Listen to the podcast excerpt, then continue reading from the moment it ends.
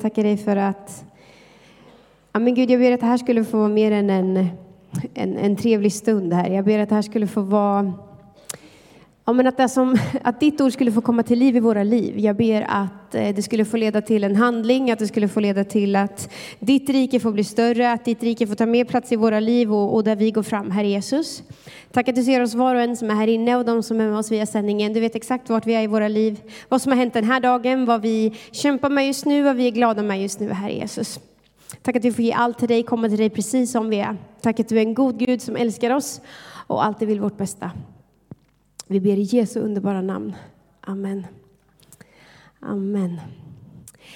Eh, vi är ju i en serie här på Kom och fyll på eh, och man undervisar utifrån Celebrate Recoverys eh, material. Och rubriken för den här kvällen som jag då har blivit tilldelad är att vända om. Vända om, alltså omvändelse kommer vi prata om idag. Och, eh, Först när jag fick den rubriken så tänkte jag, oh, omvändelse, det är ju liksom en frälsningspredikan. Omvändelse, det är ju något man gör när man blir frälst. Men jag tror att omvändelse inte bara är det där ögonblicket när vi tar emot Jesus för första gången, utan att vi faktiskt får leva i en process av omvändelse i våra liv. Eh, och om en liten stund så tror jag att du ska förstå vad jag menar. Omvändelse, det handlar ju om att vända sig ifrån någonting till någonting. Att vända sig ifrån det som drar mig ifrån Gud eller som på något sätt håller mig borta från honom. Att vända sig ifrån det och istället vända sig mot Gud. Det är vad omvändelsen handlar om. Och förutsättningar, eh, utifrån det här materialet som vi nu jobbar med, så har man punktat upp tre förutsättningar för att omvändelse ska fungera. Och de tre punkterna ska vi gå igenom nu. Den första punkten är att lita på. Den första förutsättningen för omvändelse, det är att lita på Gud. Vi behöver lita på att Gud faktiskt vill vårt bästa. Att han är en god Gud som vill det som är gott för oss. Gud själv offrade sin egen son Jesus att dö i vårt ställe. Och det är så stort så att det går för oss inte riktigt att förstå. Eh, och det här har fått en helt ny innebörd för mig sedan jag själv fick barn. Att liksom bara sett, att för mig går det inte att förstå hur Gud kunde offra sin egen son. Jag skulle inte kunna offra mina egna barn. Alltså det går inte att fatta. Och så säger Bibeln att så mycket älskar Gud oss, att han valde att sända Jesus och att Jesus själv var villig att gå hela vägen för din och min skull. För att vi inte skulle behöva leva i evig fördömelse, utan för att vi skulle kunna få ett nytt liv. Och Romarbrevet 8 och 32 säger så här. Han som inte skonade sin egen son, utan utlämnade honom för oss alla. Hur skulle han, hur skulle han kunna annat än också skänka oss allt med honom?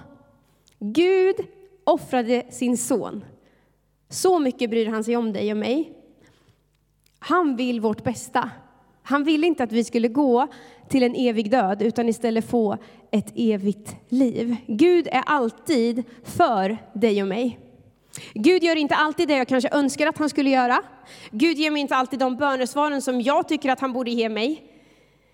Men ibland får man bara lita på att Gud vet vad han gör. Gud har kontrollen. Eh, när jag växte upp så tyckte jag ofta att mina föräldrar hade fel.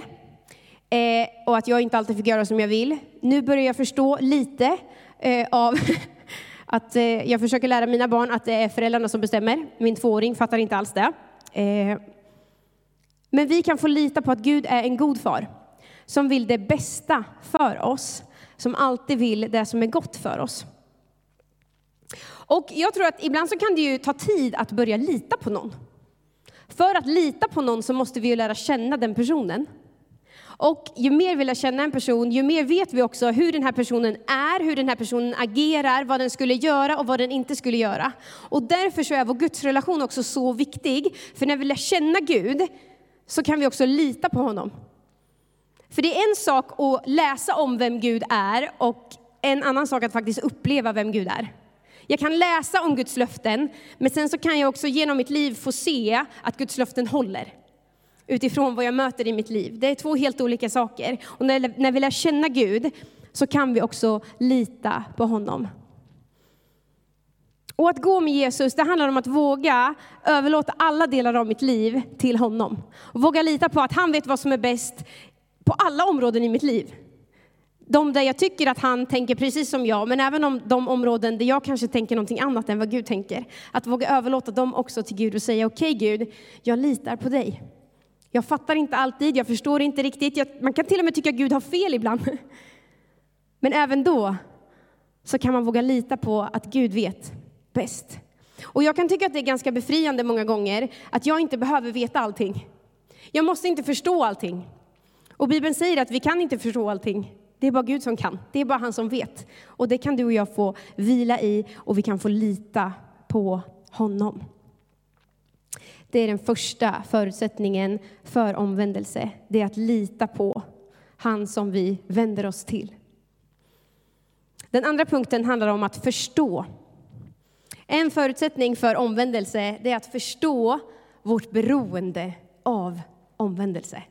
Om vi inte förstår varför vi ska vända oss till Gud, då gör vi ju inte det. Om vi inte förstår vikten av att lägga vårt liv i Guds händer, så fattar vi inte varför vi ens ska göra det. Vi ska läsa några verser från Efesierbrevet, kapitel 2 och vers 2 till 5. Där står det så här. Tidigare levde ni Eh, förlåt, tidigare levde ni i dem på den här världens sätt och följde härskaren över luftens välde, den ande som nu är verksam i olydnadens barn. Bland dem var vi alla en gång när vi följde våra kötsliga begär och gjorde vad köttet och tankarna ville. Av naturen var vi vredens barn, precis som de andra. Men Gud som är rik på barmhärtighet har älskat oss med så stor kärlek även när vi ännu var döda genom våra överträdelser, att han har gjort oss levande med Kristus. Av nåd är ni frälsta. Vi behöver förstå att vi är beroende av Gud. Vi är alltid beroende av Guds nåd. Alltså, vi är körda utan Gud. Men vi har så lätt för att tro att vi kan klara allting själva. Att vi har så, ja men, jag, jag har varit kristen nu i ja, sen jag var 20, eh, jag börjar bli gammal, så jag vet inte hur länge det är. Men det är så lätt när alla saker fungerar i mitt liv att leva som att Gud faktiskt inte fanns. Det är lätt att bli oberoende av Gud när allting fungerar och sen så vänder jag mig till honom när jag får problem. Det är inte att vara beroende av Gud. Det är inte att ge Gud alla områden i mitt liv och sen liksom planera allting och hålla ihop allting och sen säga Gud välsigna det här nu. Utan jag tror att Gud istället vill att vi förstår att vi är alltid beroende av honom. Vi är frälsta bara av nåd. Det spelar ingen roll hur mycket vi gör eller inte gör. Frälsningen är en gåva som vi bara tar emot av nåd och vi är alltid beroende av Jesus. Och det är så viktigt att vi förstår att vårt beroende av honom kommer aldrig ta slut. Jag var extremt beroende av Jesus när jag blev frälst när jag var 20. Jag behövde en vändning i mitt liv, jag behövde ett hopp, jag behövde liksom se att det fanns en framtid och Gud klev in i mitt liv och vände upp och ner på mitt liv. Där var jag så beroende av honom. Men idag, vad blir det, 13 år senare, så tror jag att jag nästan är mer beroende av Gud. För idag fattar jag inte vad jag skulle vara utan honom. Vi är beroende av Gud. Varje dag är vi beroende av hans nåd. Och varje morgon är hans nåd ny mot oss. Varje dag så säger han, idag kan du lägga ditt liv i mina händer.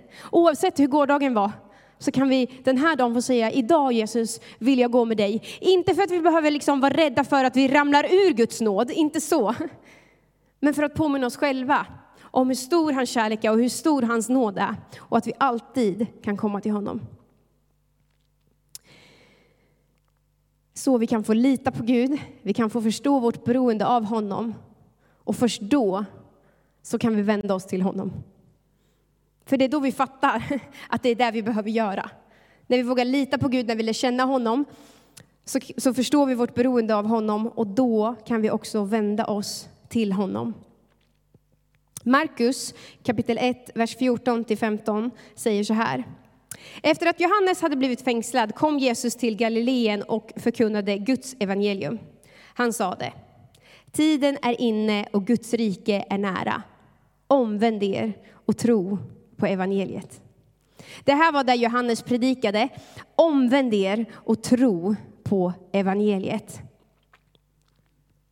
Ordet omvänd er, det betyder precis som jag har sagt, att vända sig från någonting till någonting annat. Men det kan också betyda att ångra sig, att komma på andra tankar eller att styra i en ny riktning. Som jag sa, ibland tänker vi att omvändelse det är den där första gången när Jesus klev in i mitt liv. Men om man läser in det med den breda innebörden, att det också kan betyda att komma på andra tankar, att styra i en ny riktning, att ångra sig. Då tror jag ni börjar förstå lite av vad jag, vad jag sa i början om att omvändelse är en process som vi lever i ständigt. Att det inte är en engångshändelse och sen är det klart. Ja, omvänd, check. Utan det är någonting vi lever i där vi ständigt förstår vårt beroende av Gud. Omvänd er och tro på evangeliet, sa Johannes. Omvändelse, det hänger ihop med det glada budskapet om vem Gud är. För vi vänder oss i tro på det glada budskapet. Det, glada budskapet som är att Jesus har gjort allt för våran skull och därför kan vi komma till honom oavsett vad som har hänt och vart vi är i våra liv.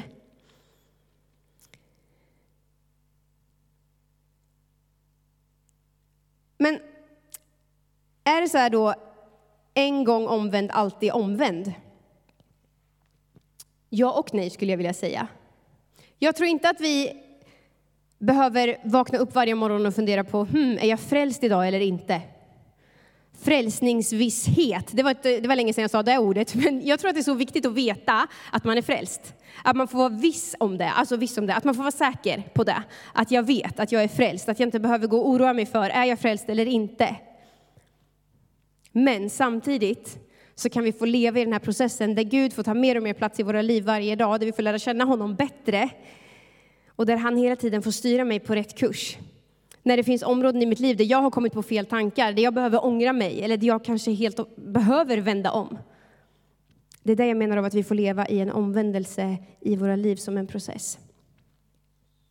Men jag tror att omvändelse i våra liv, det kan se lite olika ut. Det, jag har tagit med den här tavlan, nu ska jag vara riktigt pedagogisk här.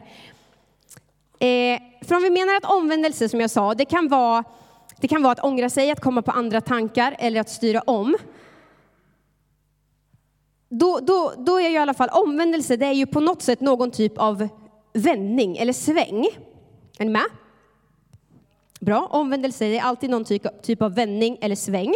Och då tror jag så här, ibland så kan vår omvändelse se ut så här, som en U-sväng.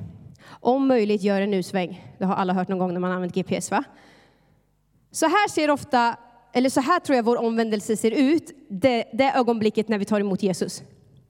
Alltså det handlar om att ha gått från ett liv utan Gud till att liksom göra en total omvändning för att istället gå med Gud. Då gör vi en sån här, en hel omvändning och våra liv får en helt ny riktning. Jag tror att om våra liv inte får en ny riktning när vi tar emot Jesus, då undrar jag om det beslutet verkligen har landat i oss. Det, det tror jag faktiskt, för att Jesus gör oss till någonting helt nytt. Eh,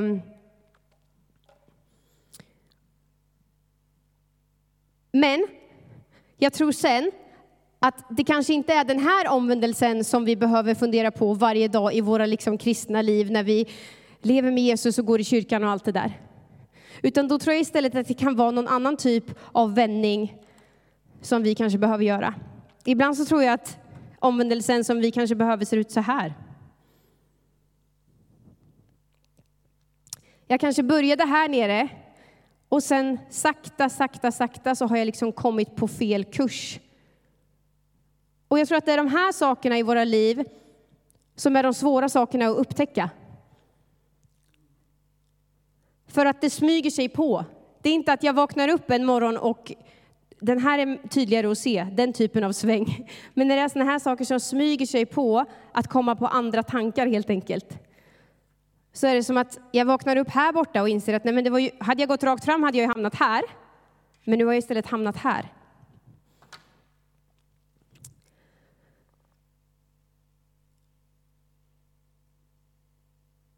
Det är så mycket i den här världen som vill att jag hamnar vilse. Jesus sa, se till så att ingen leder er vilse. Det finns så många saker i den här världen som gör allt för att jag inte ska gå med Jesus som försöker distrahera mig, som försöker lura mig, som hela tiden drar mig från Gud. Det vore ju så skönt om den dagen jag tog emot Jesus i mitt liv så skulle jag aldrig mer behöva kämpa mot synden, eller hur? Ah, det är ju inte så. Inte i mitt liv i alla fall. Jag vet inte, ni kanske har lyckats med något som jag inte har lyckats med. Men det är ju snarare som att det finns en dragningskraft mot att göra det som jag vet att jag egentligen inte borde många gånger. För det är ofta den enkla och snabba lösningen där i stunden. Men vi kan få gå med Gud, vi kan få leva med honom. Och på de områdena där vi känner att, men vänta nu, jag har ju hamnat fel här. Då kan vi få vända om.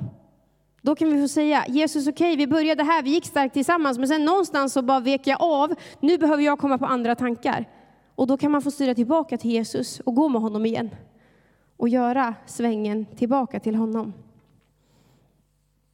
Ibland så tror jag i våra kristna liv att vi hamnar i en sån här typ av sväng. Vi står här tillsammans med Gud.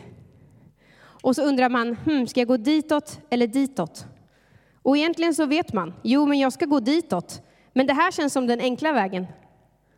Så försöker vi gå på båda två samtidigt. Och det går ju en liten stund. Det kanske kom, beror på hur vig man är, hur långt man kommer. Så där har jag gjort så många gånger i mitt liv. Framförallt de första åren när jag började gå med Gud. Så var det som att okej, okay, Jesus pekar ditåt, men allt i mig vill gå ditåt. Hur får jag ihop det här? Och så börjar man liksom leva sitt liv så här. Det blir jätte, jättejobbigt till slut. Det är ungefär som att liksom dricka juice och sen gå och borsta tänderna direkt. Är det någon som har gjort det någon gång? Det är inte trevligt. Det finns vissa saker som bara inte går att blanda med vem Jesus är. Det finns vissa saker i våra liv som Gud vill beskydda oss ifrån, som han säger, men låt det här bara vara, för det är inte det som är bäst för dig. Gå på den här vägen som jag har kallat dig till, inte den här vägen. Och ibland så tror jag att vår omvändelse ser ut så, det är inte alltid den här U-svängen, den totala liksom helomvändningen. Utan ibland så handlar det om att välja en ny riktning i sitt liv. Ibland handlar det om att komma tillbaka till någonting, men ibland så handlar det också bara om att säga nej till en väg. För att jag har vänt mig till Jesus och han går hitåt. Och det är honom jag vill gå med.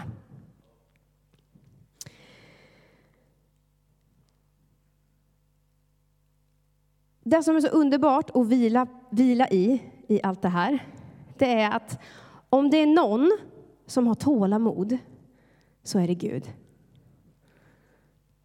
Alltså tålamod. Gode Gud, ge mig tålamod, men gör det snabbt, brukar jag be ibland. Gud har sån tålamod med dig och mig. Vi kan känna många gånger att vi misslyckas. Vi kan känna att nej, men nu gjorde jag det där igen som jag inte skulle göra. Som jag har bett så många gånger och sagt att nej men nu Gud, nu går jag med dig. Och så misslyckas man igen. Eller man kan ha sagt att, nej men Gud, nu ska jag gå 100% med dig, jag tänker inte vika av från den här vägen. Och sen så bara, har det hänt något i alla fall där man har tappat kursen. Gång på gång på gång på gång så får vi säga, okej okay, Gud, jag börjar om med dig. Idag vill jag vända mig till dig, idag vill jag vända blad. Och då gör han det. Jesus säger i Johannes 8, 7 eller 8, att den som kommer till mig ska jag aldrig någonsin visa bort. Vi kan aldrig komma till Jesus och han säger nej, nu har du sumpat din chans. Nu har du liksom förbrukat alla dina chanser, du kan inte komma till mig längre. Utan vi får alltid, alltid, alltid, alltid komma till honom. Där vi är, med den omvändelse vi behöver. Så jag ska försöka knyta ihop det här. Och kanske är det så att du sitter här inne eller följer oss via sändningen och känner att men jag behöver någon typ av... Jag behöver svänga, sväng, liksom vända om mitt liv idag. Det kanske är en U-sväng. Du kanske liksom inte går med Jesus och känner att nej, men nu vill jag verkligen lämna mitt liv och leva ett nytt liv med Jesus. Vet du, då är hans famn öppen för dig idag. Eller så känner du att du bara liksom har kommit på, hamnat fel. Du gick med Jesus, men någonstans så har du vikit av och sen när du nu liksom tittar upp över ditt eget liv så ser du att nej, men det här har ju inte alls blivit det som jag ville att det skulle bli. Det behöver inte vara hela livet, det kan, det kan också vara på ett område i sitt liv där man känner att här, på det här området går jag inte med Gud just nu. Här, på det här området vill jag vända mig till Jesus igen. Då kan man göra det ikväll. Kanske står du i ett sånt där vägskäl där du vet att Jesus är där, men jag kämpar med det där, eller jag dras mot det, men jag vet att det här egentligen är det jag borde göra. Säg det till Jesus ikväll. Var ärlig med honom. Och han har tålamod. Han har tålamod och han vill alltid det som är gott och bäst för dig och mig. Det är inte så att vi vänder oss till Gud en gång och kommer aldrig mer behöva göra det. Utan vi är beroende av honom varje dag. Och varje dag är hans nåd ny mot oss. Varje dag så säger han, vill du gå med mig idag? För jag vill gå med dig. Vi lever i en process av omvändelse där vi kan lita på att han vill vårt bästa och att han är god mot oss. Och när vi vågar lita på att han är den han är och när vi förstår vårt beroende av honom, då kan vi ständigt vända oss till honom på livets alla områden och gå med honom tillsammans. Ska vi be tillsammans? Herre, jag tackar dig för att du är, du är en Gud att lita på.